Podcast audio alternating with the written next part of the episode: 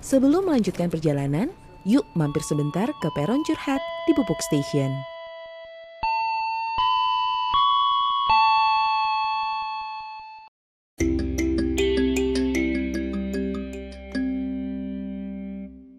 Sekali lagi kita ketemu di acara Peron Curhat. Kemarin setelah Peron Curhat pertama ada Dani Effendi, seorang fotografer sekaligus seniman keramik yang menceritakan tentang perjalanan hidup dia. Kali ini di Peron Curhat ada satu orang penumpang yang saya temui, seorang ibu yang sangat hebat yang akan menceritakan tentang pentingnya self love untuk ibu seperti itu. Jadi kalau misalnya teman-teman yang belum tahu nih tentang Peron Curhat, jadi Peron Curhat adalah salah satu program acara di Pupuk Station, yaitu podcast bicara ringan tentang topik utama yang lagi kita bahas di bulan ini. Jadi Peron Curhat itu adalah momen bertemunya PD atau program director dengan penumpang yang transit di Pupuk Station. Dan untuk bulan ini nih teman-teman, kita membahas tentang self love. Ketika ngomongin tentang self love, saya langsung kepikiran tentang salah satu orang yang saya kenal, yang saya temui hampir setiap minggu, yaitu seorang ibu yang kemarin itu berinisiatif untuk membuat sebuah acara yang temanya tentang self love 101 emergency gitu ya, Bu ya. Uh, apa namanya? Uh, Safety first, love yourself. Safety first, love yourself. Oke, selamat datang Bu Iin. Uh, terima kasih, Kak Udah mampir ke stasiun. Loh, ibu yang mampir ke stasiun? Iya, saya maksudnya. Oh, gitu. Diundang ke stasiun. Oke, okay, uh, jadi aku pengen sebenarnya aku udah kenal Bu Iin udah cukup lama ya, udah sekitar tiga tahun gitu 3 ya. Tahun. Mm -mm. Tapi teman-teman kayaknya aku pengen kenalin lebih jauh Bu Iin ke teman-teman yang ada lagi dengerin podcast ini gitu. Jadi uh, sebetulnya Bu Iin itu siapa sih sebetulnya gitu? Uh, saya ibu dari angkasa. Ibu dari angkasa. Anak berkebutuhan khusus. Anak saya laki laki-laki semua tiga. Mm -hmm. uh, yang satu kuliah, yang satu kelas 2 SMA. Oke. Okay. Laki-laki semua. Mm -hmm. Suami saya dosen. Uh, udah itu aja udah itu aja terus um, nah itu masalahnya tuh kalau perempuan tuh hafalnya cuma segitu doang. Oh gitu padahal tuh sebetulnya bisa yang ngungkapin yang lain kayak saya tuh sukanya begini, uh. begitu dan segala macam gitu. Nah, kalau Bu In tuh apa hobinya apa? Terus kayak uh, apa yang paling disukai gitu kayak makanan favorit atau apa? Uh, sesuatu yang saya lakukan untuk uh, refreshing itu masak. Oh masak. Masak. Iya sih, aku setiap ke sini selalu makan masakan ibu. Relaxing banget masak. Oke. Okay. Uh, eh, terus baca buku lah pasti. Baca buku, oke. Okay. Bu In tuh dulu pernah jadi dosen ya bu ya? Iya, saya pernah jadi dosen. Jadi saya itu waktu anak-anak sudah paling kecil tuh TK kalau nggak salah. Mm -hmm. uh, saya diizinkan suami untuk melanjutkan uh, pendidikan waktu itu S1 saya jurnalistik, saya mm -hmm. melanjutkan ke ilmu komunikasi S2. Okay waktu itu karena saya sebenarnya orangnya nggak betah diem kan? Jadi saya waktu pas nungguin anak saya TK ibu-ibu kan suka nungguin tuh anaknya kan? Mm -mm. saya merasa sangat apa ya ih kok gua nungguin anak doang? gitu kan sampai mereka pulang ah, gitu kan. terus selama nunggu tuh sama ibu-ibu yang lain tuh ngabring ke sana ngabring ke sini it's so not me gitu. Jadi ketika ada seorang guru anak saya yang resign karena harus ikut suaminya keluar kota, saya mengajukan diri melamar jadi guru TK di situ. Oh, jadi pertamanya jadi guru TK guru dulu. TK. Oh, nah, okay. ketika saya jadi guru TK, suami jadi mikir, "Oh, kamu kuliah aja deh." Saya kuliah, jadi saya se waktu itu mahasiswa S2 di Unpad komunikasi. Mm -hmm. Saya guru playgroup. Mm -hmm. uh, dan ngurus anak tiga. Itu asik banget itu asik banget. Tapi justru karena kesibukan itu ya jadi asik banget ya? Jadi asik banget udah nggak sempat mikir apa apa karena selama saya melakukan itu semua saya masak sendiri gitu kan. Karena anak-anak harus uh, makanan ibunya lah gitu. Kemudian dari situ saya sempat jadi dosen di Unicom uh, dua tahun. Selain jadi dosen Unicom saya dosen luar biasa di beberapa universitas swasta. Oke. Okay. itu sibuk banget sampai malam. Sampai saya ada kelas malam yang harus saya uh, ajar itu. Uh, uh. Saya menikmatin banget. Menikmati banget. Terus sekarang gimana nih sekarang? Sekarang uh, sebelum pandemi. atau sepas masa pandemi. Sekarang apakah tetap menjadi dosen atau Oh, udah enggak. jadi full time Saya mom? hanya dua tahun jadi dosen. Waktu saya berhenti, saya pikir saya akan masih boleh part time lecturer. Oke, LB-LB gitu Ah, ya. ah, jadi saya bilang, oke udah kamu berhenti aja kuliah, Ah, apa berhenti aja kerja. Oke, saya berhenti kerja, alah berarti saya gampang, tinggal LB-LB aja masih banyak nih yang nawar-nawarin. Ah, ah. Ternyata suami saya enggak. Begitu saya berhenti, saya tidak boleh melakukan kegiatan apa pun yang berhubungan dengan eh, akademi. Oke. gitu. Saya berhenti jadi dosen. Karena selain jadi dosen, saya juga suka melakukan penelitian, hal-hal yang berbau eh, akademis lah. Gitu. Karena dosen nggak cuma ngajar Nggak kan sebetulnya. ngajar. Ah, Nah itu masalahnya kalau di PTS dosen itu ngajar aja, Oh. nggak punya waktu untuk penelitian, Oke. pengabdian pada masyarakat itu waktunya akan sangat dipaksakan, nggak seperti dosen perguruan tinggi negeri seperti suami saya. Jadi Oke. dia merasa saya bukan tidak maksimal sebagai seorang dosen. Oke, karena cuma ngajar aja Cuma ya ngajar kayaknya aja. gitu. Kamu nih Ha. bukan guru SD, dia bilang gitu. Oh, wow. Kalau kamu nggak jadi dosen, maka kamu harus jadi dosen yang begini. Nah itu saya akan keteteran gitu. Oke. Karena satu semester, satu minggu tuh saya beban SKS 24. Satu minggu dulu. Satu minggu 24 SKS. Oke. Nah kemudian saya berhenti, saking saya masih menikmati yang namanya kegiatan penelitian segala macam, saya jadi ghost writer. Saya Oh. nawarin nulis eh, apa namanya tesis orang-orang. Oke.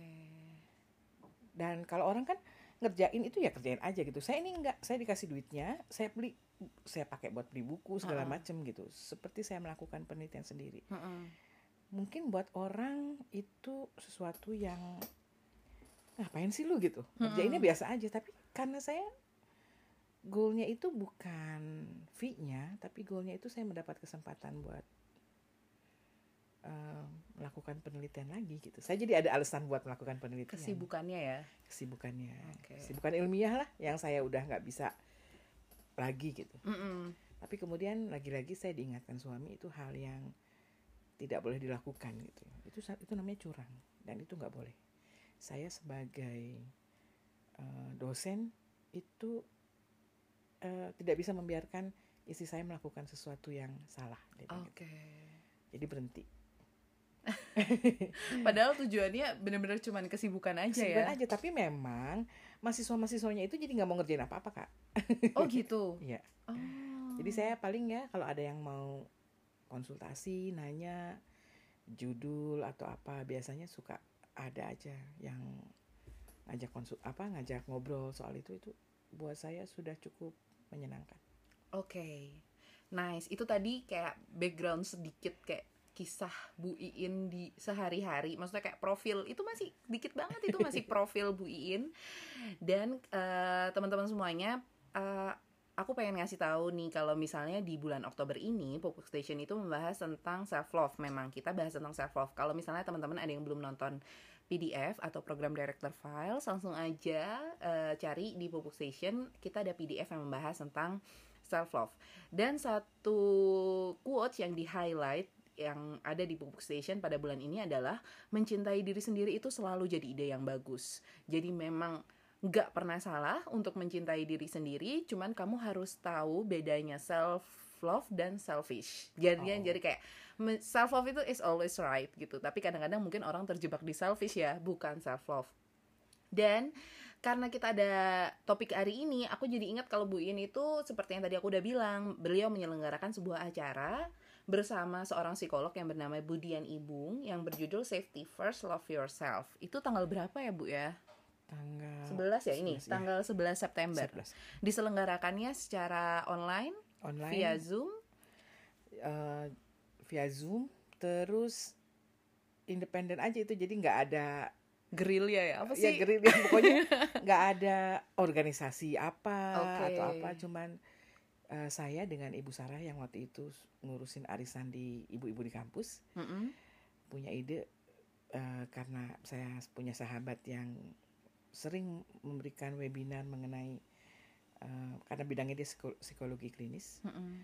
eh, tentang tentang kesehatan mental lah gitu. Mm-mm. Eh, kemudian kita bilang nih ibu-ibu perlu banget gitu Oke. ibu-ibu perlu banget terutama sekarang di masa pandemi terutama di masa pandemi di mana ruang pribadi itu menjadi semu ya semu, hampir nggak ada gitu malah terus um, kemarin itu kira ada berapa orang sih bu yang join yang join tuh sekitar 24 kalau nggak salah 24 ya 24 orang semuanya adalah seorang ibu semuanya seorang ibu. Uh, uh, so, uh, tapi ibu, anaknya anaknya ini ya usianya beragam, ya? beragam ya. Hmm. Satu beragam, yang kedua mereka um, domisilinya ada yang di Jakarta, ada yang di Bandung. Oke. Okay. Kemudian ada yang di Bogor waktu itu. Terus um, profesinya macam-macam. Yang menarik itu ya, profesinya macam-macam. Ada apa aja bu profesinya? profesinya ada ibu rumah tangga, mm -hmm. ada profesional, eh, ada di root, ada di root, ada di root asset management. Oke, okay, asset um, management. Apa syariah pertama. Oke. Okay. Ke itu juga sahabat kami. Kemudian uh, teman-temannya itu pekerjaannya tuh di bidang uh, institusi finance. Jadi bekerja di bank. Hmm, oke. Okay. Kemudian uh, dosen. Dosen. Ya itu pokoknya. Jadi ada yang ibu rumah tangga, ada, ada yang wanita profes. karir gitu ya, macam-macam backgroundnya. Oke.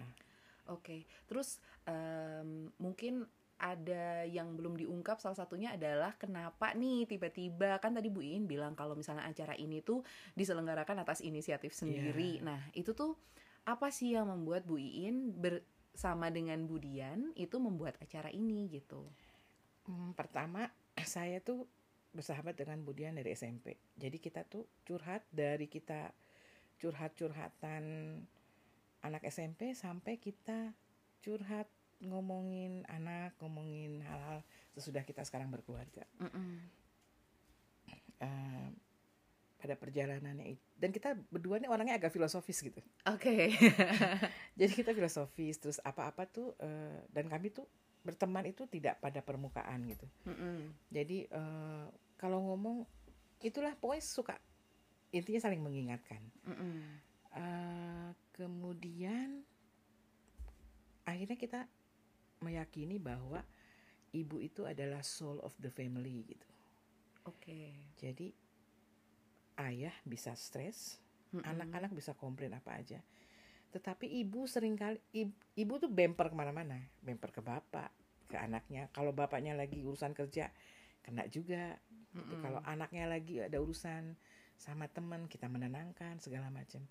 Padahal pada di saat yang sama, ibu itu bukannya uh, apa problem free.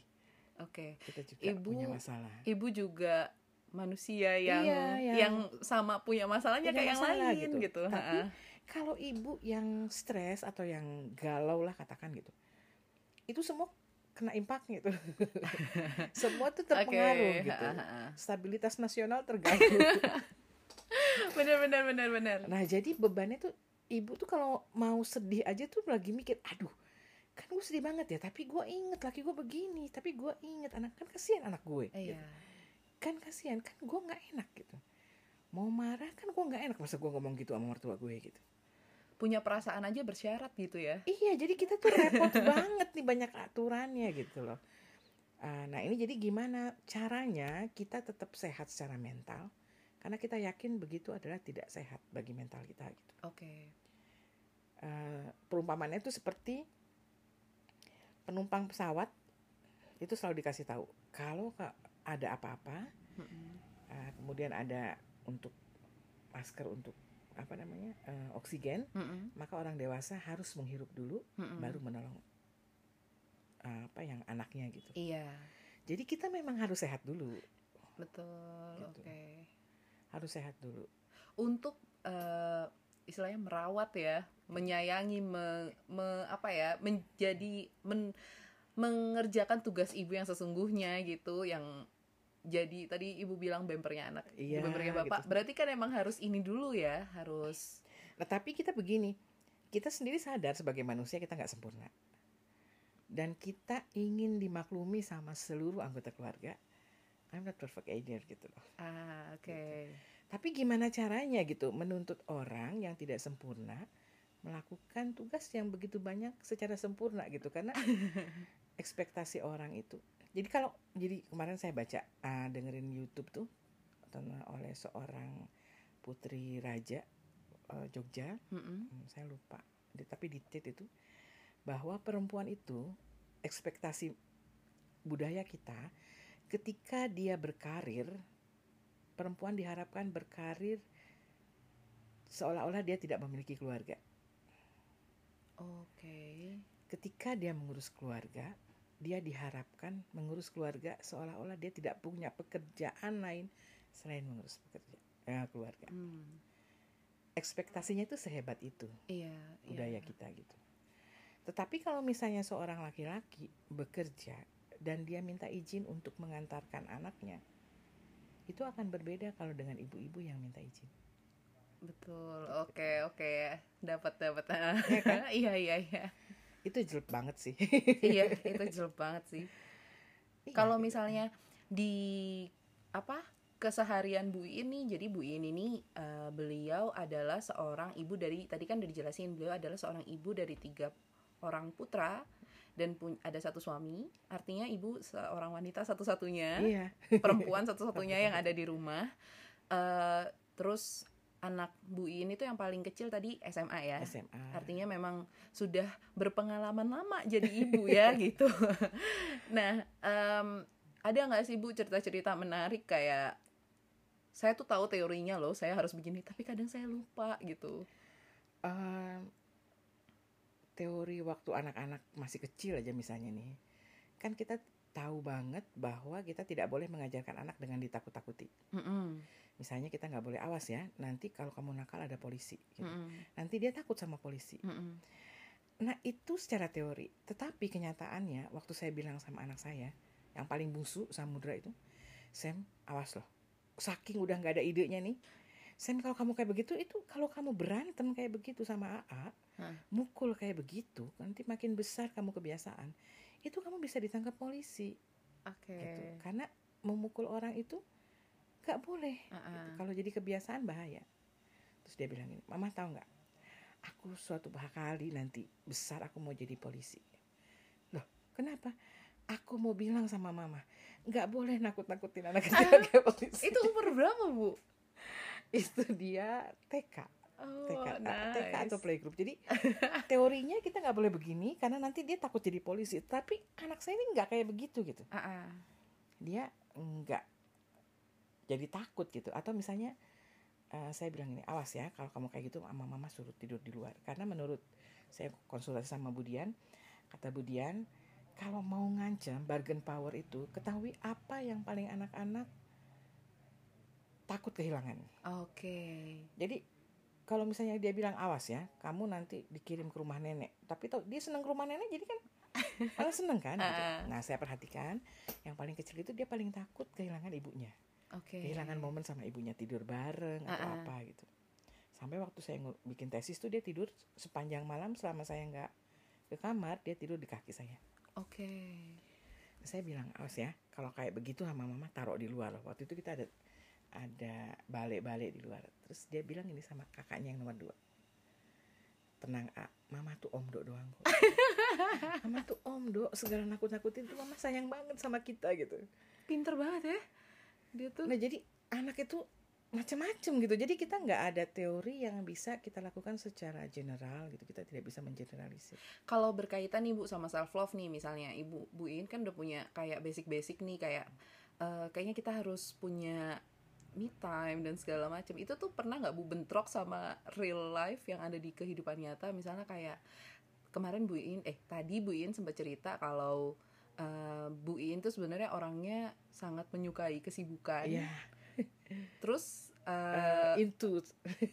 iya terus too into. Uh, uh, terlalu into. Terus tiba-tiba um, dikasih apa sih namanya? Dikasih rem yang banyak banget. Dikasih rem yang banyak yeah. banget. Itu boleh diceritain nggak bu? Gimana jadi saya kerjaannya nyari-nyari karena saya nggak boleh kerja rutin saya suka begini uh, kita bikin ini yuk hmm, pembagian sembako mm -mm. pembagian sembako eh kalau pembagian sembako kan udah nggak boleh antri-antri kan mm -mm. jadi kita tinggal pesen kita nyari dana dari warga gitu mm -mm. benar-benar kita hanya mengkoordinir sebetulnya mm. tetapi at least kita setiap pagi ada yang harus kita update mm. gitu atau saya ngurusin sama teman-teman di RT ngurusin perbaikan jalan mm. yang kerjanya itu susah banget dikomplain warga apalah segala macam gitu uh, terus uh, waktu itu kita bilang gini eh kita ini yuk bagi-bagi nasi gitu. mm kita bikin nasi pokoknya disimpan aja di luar orang boleh siapa aja boleh simpan mm -mm. siapa aja boleh ngambil mm -mm. sounds good kan mm -mm. jadi nggak ngeganggu aktivitas saya ngurusin rumah kan mm -mm. tapi ternyata nggak bisa kayak gitu saya nggak tahan membayangkan nasi gratis itu diambil sama yang tidak berhak gitu maksudnya ada okay. yang lebih penting okay. ada yang lebih butuh gitu akhirnya setiap sore saya nungguin nasi itu kemudian supaya makanannya uh, apa makanannya layak dengan harga yang terjangkau nggak ada pilihan lain selain kita buat jadi buat sendiri jadi buat sendiri nongkrongin sendiri nongkrongin sendiri bagiin sendiri kemudian ternyata, dan ibu merasa happy dengan ah, aktivitas happy, yang gitu. penuh itu iya. gitu kemudian ternyata banyak anak kecil yang ikutan antri gitu oke okay. sementara kita amanahnya itu untuk yang puasa kan waktu itu uh -uh. Jadi kita nggak berani ngasih buat anak kecil, tapi hmm. anak kecil itu kan datang kan. Okay. Kalau gitu kita bikin snack untuk anak kecil, ditambahin lagi snack untuk anak kecil. Okay. Kemudian anak kecil tambah banyak kan. Ini kita nggak bisa snack ini, berarti harus yang lain. Akhirnya kita ganti lagi. Ya kayak begitu. Jadi pekerjaan yang berkembang bertransformasi gitu uh, dinamis apa apa tuh kesimpulannya apa apa tuh memang dinamis gitu oke okay. itu tuh berarti adalah sebuah solusi ya bu ya solusi dari bu Iin yang ingin mencari kesibukan eh. tapi di satu sisi bu Iin tetap harus sebagai nah ibu gini itu. jadi saya itu senang masak uh -uh. nah supaya sibuk saya tuh suka terima pesanan oke okay. tetapi karena uh, tujuan utama saya itu adalah saya mencari kesibukan. Jadi saya tidak terlalu memikirkan keuntungan. Oke. Okay. Walhasil saya akan sangat capek karena saya banyak pesanan. Uh -uh. Dan tentunya saja dengan keuntungan yang hampir nggak ada, sering nombok. Uh -uh. Akhirnya saya pikir ini daripada saya hanya meyakinkan bahwa saya suka melakukan ini, mm -mm. tapi sebenarnya suka kesel juga kan ya. Mm -mm.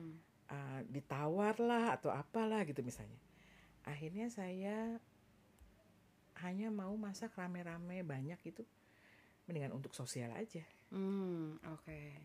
Jadi seenggaknya apa uh, semua keinginan saya itu ada pada satu titik pertemuan yang yang ideal gitu.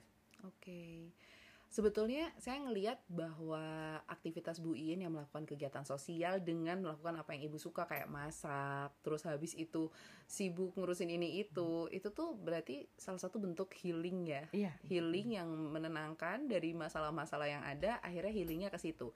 Dan itu termasuk aktivitas yang dibolehkan Bu oleh suami. Nah itu kan kalau misalnya kita tidak bekerja berhubungan dengan orang lain secara formal, ketika kita harus berhenti kita tidak ada orang lain yang harus kita ajak bicara lagi kan oke okay. jadi karena proyeknya adalah proyek sendiri proyek mini jadi bisa di gas rem gas rem hmm. enak gitu ya oke okay. berarti nah kalau misalnya nih aku pengen tahu cerita Bu Iin pernah nggak Bu Ibu merasa um, apa sih namanya di dalam kondisi yang desperate banget sampai akhirnya kok kayaknya gue nggak kenal diri gue sendiri ya gitu kayak Hmm, itu yang saya bilang tadi. Jadi kita itu uh, ada teori yang bilang manusia kadang teralienasi gitu. Mm -mm. Karena sesuatu yang sangat rutin dilakukan sehingga kita tidak mengenali perasaan itu. Gitu. Mm -mm. Jadi perasaan capek, perasaan bahwa jiwa kita ini perlu disayang mm -mm. sama diri sendiri. Uh, terus kalau ada orang yang tidak appreciate kita, kita blok dengan udahlah kan memang harus ikhlas kan lu memang harus begini gitu. Sehingga lama-lama will become numb gitu. Tetapi itu percayalah akan meledak pada satu waktu. Bom waktu. Bom waktu. Sehingga kita harus mengenali sinyal-sinyal kapan kita harus relief perasaan okay. itu. Dan itu adalah sesuatu yang lumrah terjadi lumrah di ibu terjadi, ya. ya. Don't si feel apa ya? Don't don't you feel guilty gitu loh dengan okay. perasaan itu karena uh, budaya kita mengajarkan bahwa perempuan itu kalau merasa bersalah tuh nggak boleh gitu. Oh, perempuan tidak boleh merasa bersalah. Nggak boleh merasa bersalah, nggak boleh merasa, nggak boleh komplain gitu. Mm -mm. Harus disimpan gitu kan. Mm -mm.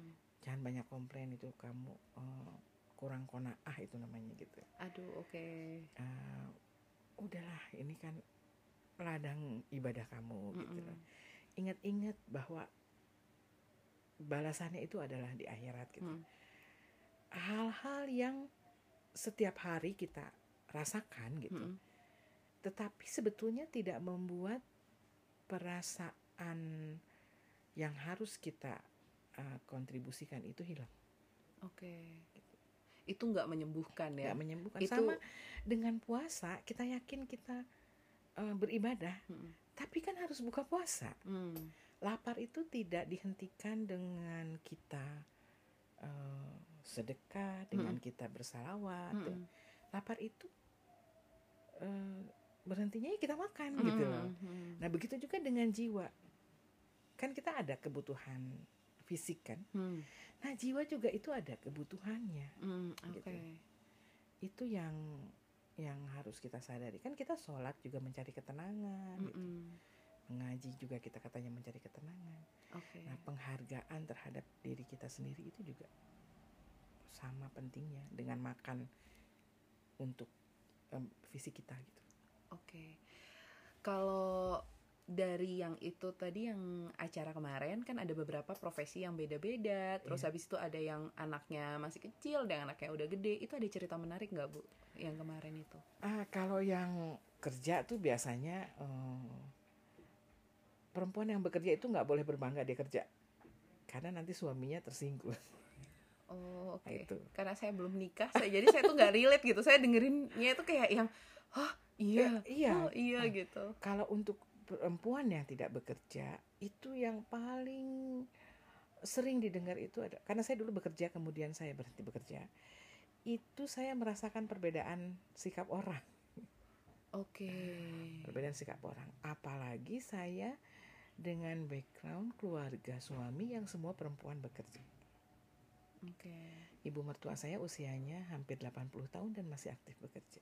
Mm -mm. Jadi uh, itu sih yang yang sering gitu. Mm -mm. Yang Terus kalau yang di kalangan tadi itu yang wanita karir yang ibu bekerja itu pengalaman mereka terkait si desperate akan self love ini gimana bu? Uh, ya mereka apalagi pandemi gini ya nah mereka itu memang kan masa pandemi ini lucu mereka itu biasa di kantor mm -hmm. sekarang mereka ngantor di rumah mm -hmm. jadi mereka dengan kesibukan yang tidak berkurang bahkan mungkin bertambah urusan kantor jadi tiba-tiba harus masak tiba-tiba harus menemani anak-anak sekolah jadi itu memang berat buat mereka oke okay. gitu dan mereka jadinya ketika mereka mau ngeluh terus mereka jadi ingat ini biasanya hari-hari tuh kehidupan tuh begini selama kamu di kantor di rumah tuh kayak begini ha, ada yang harus masak ada yang harus beberes gitu. hmm. kan selama ini kamu nggak tahu gitu hmm. orang kan gampang aja kan ngomong begitu padahal buat mereka itu adalah uh, doubling itu beban yang bertambah hmm. gitu oke okay. bertambah saya salut sama mereka lah kalau misalnya nih aku melihat kalau misalnya pattern yang diceritakan sama Bu In Bu In adalah seorang yang uh, aktif dan totalitas dalam melakukan segala hal. Memang kebiasaannya Kebiasaan. seperti itu gitu. Terus akhirnya Bu In um, sempat bekerja dan kalau bekerja karena totalitas jadinya tuh fokus banget. Iya, akhirnya jadi diomelin. Jadi diomelin. Akhirnya sama suami diputuskan untuk udah nggak usah nggak usah sekali. nggak usah aktivitas lain full time mama aja yeah. kayak gitu. Terus uh, tapi di satu sisi Bu In tahu konsep bahwa menjaga diri self love for mom it's a it's a necessary. Iya, yeah, it's a necessary, it's a really important thing important gitu. Thing. Akhirnya yang dilakukan Bu In adalah membuat proyek-proyek kecil sederhana bersama dengan ibu lain yang rem dan gasnya Bu In pegang sendiri. Kontrolnya di kita. Kontrol sendiri dan tidak akan merugikan siapa pun gitu ya kalau misalnya tiba-tiba vakum, yeah. mau lanjut lagi atau dan segala macam. Nah, kalau misalnya ibu-ibu lain yang aku penasaran deh bu kalau ibu-ibu yang tadi bekerja dan akhirnya dia nggak punya ruang pribadi di rumah itu sebetulnya apa sih yang disarankan oleh psikolog terkait itu? Kemarin tuh melakukan hobi kalau nggak salah. Melakukan hobi yang Tetap disukai. doing hobbies ya? Nah, karena pasti ada yang disukai apa aja. Misalnya hobinya ngumpul sama teman-teman ya lakukan aja gitu. Oke. Okay. ada yang hobinya ada gue tuh nggak bisa kalau di rumah terus. Kan ada kan ya mm-hmm. kita teman-teman yang harus jalan terus ada lagi orang gue nih orang rumahan. Ada yang kayak begitu gitu. Jadi uh, ini yang selalu saya sampaikan sama uh, kalau sekarang ponakan-ponakan ya. Kalau dulu sama teman-teman yang mau nikah. Bahwa kita menikah itu bukan untuk bahagia. Kita menikah itu untuk melakukan yang benar Hmm. Dan kita kebahagiaan kita adalah ketika kita melakukan yang benar. Oke. Okay. Uh, tetapi seperti saya ulang tadi, kita ini perlu bahagia demi stabilitas nasional. Dan tidak ada yang akan bersibuk-sibuk membahagiakan kita. Oke. Okay. Tidak akan ada yang menanyakan, "Are you happy with your life?" gitu.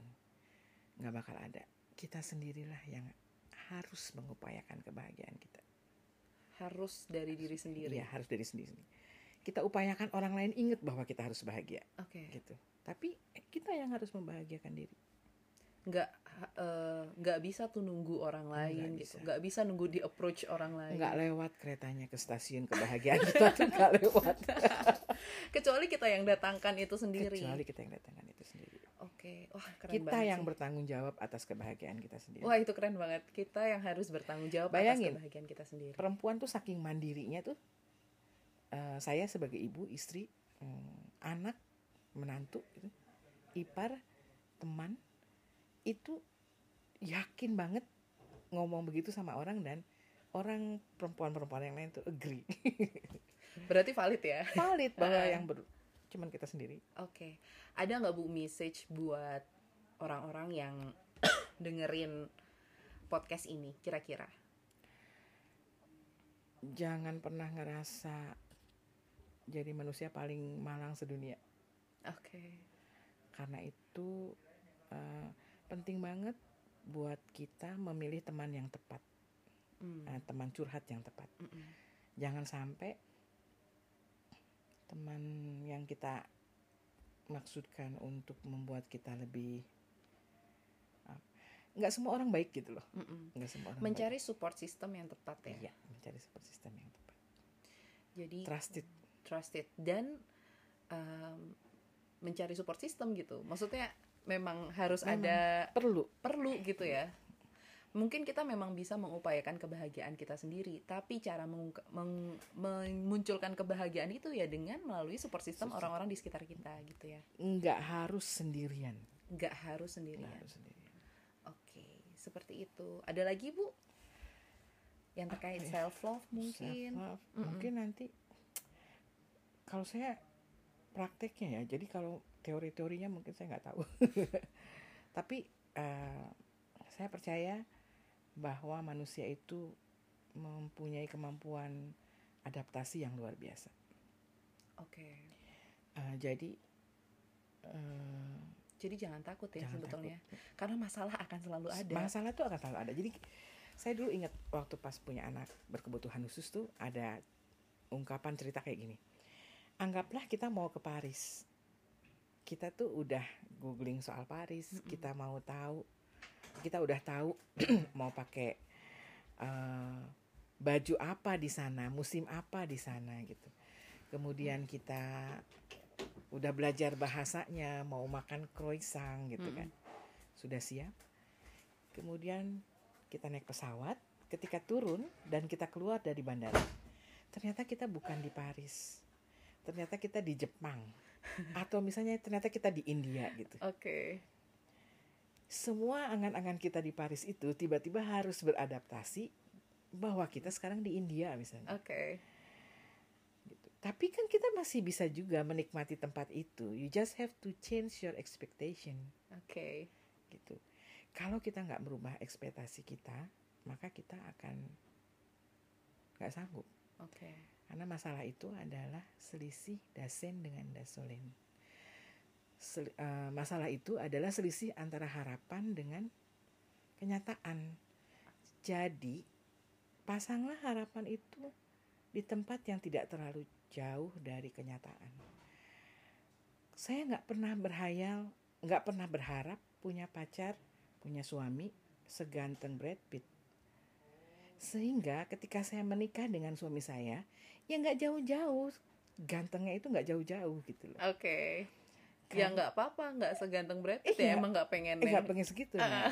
jadi selisih itulah masalah gitu semakin besar selisihnya maka semakin besar masalah kita gitu. nice nice itu cara ini ya cara bersiap-siap dengan apa pun yang akan terjadi di masa depan iya jadi bedakan antara harapan dan hayalan Oke, kalau seperti itu terima kasih banyak yeah. Bu In sudah berbagi di podcast oh, lama juga ya.